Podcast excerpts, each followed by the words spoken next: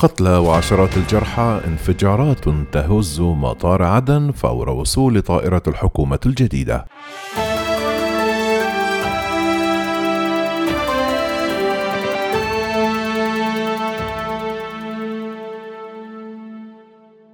أفاد شهود عيان بسماع دوي انفجارات وإطلاق نار في مطار عدن الدولي بعد وقت قصير من وصول طائرة تقل الحكومة اليمنية المشكلة حديثا من السعودية الأربعاء بينما تتحدث مصادر طبية يمنية عن وقوع عشرة قتلى على الأقل وإصابة العشرات جراء هذه الانفجارات.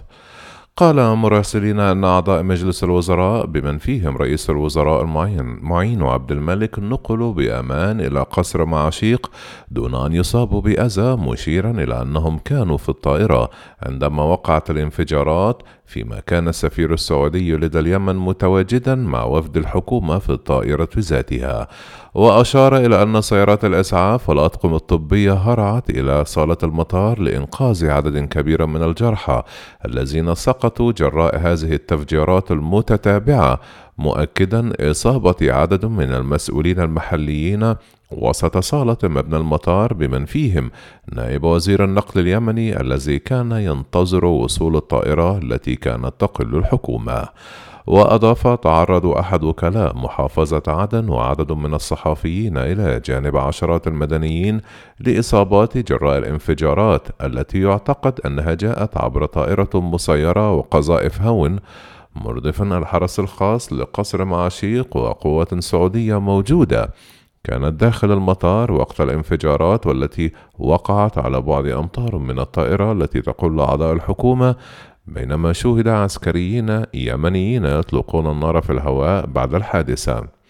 قال المراسلين أن التعزيزات الأمنية رافقت موكب الحكومة إلى قصر معشيق فيما يشهد محيط القصر انتشارا أمنيا كثيفا تحسبا لأي هجمات أخرى تستهدف الحكومة الجديدة كما أحاطت قوات الأمن مطار عدن أيضا.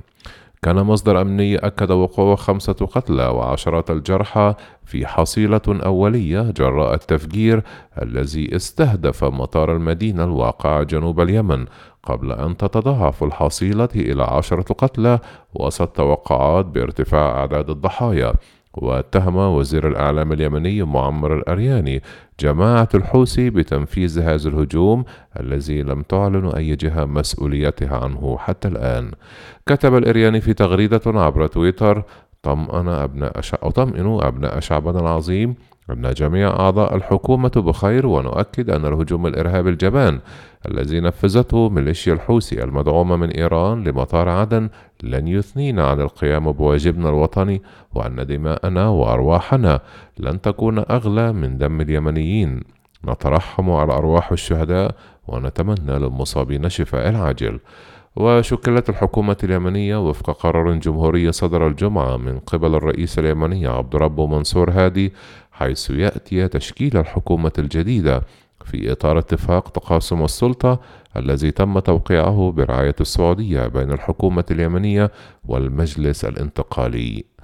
وتدور الحرب في اليمن بشكل رئيسي بين المتمردين الحوثيين المدعومين من إيران وقوات أخرى تقودها المجموعات المؤيدة للحكومة بدعم من تحالف عسكري تقوده المملكة العربية السعودية منذ سيطرة الحوثيين على مناطق واسعة قبل نحو ست سنوات.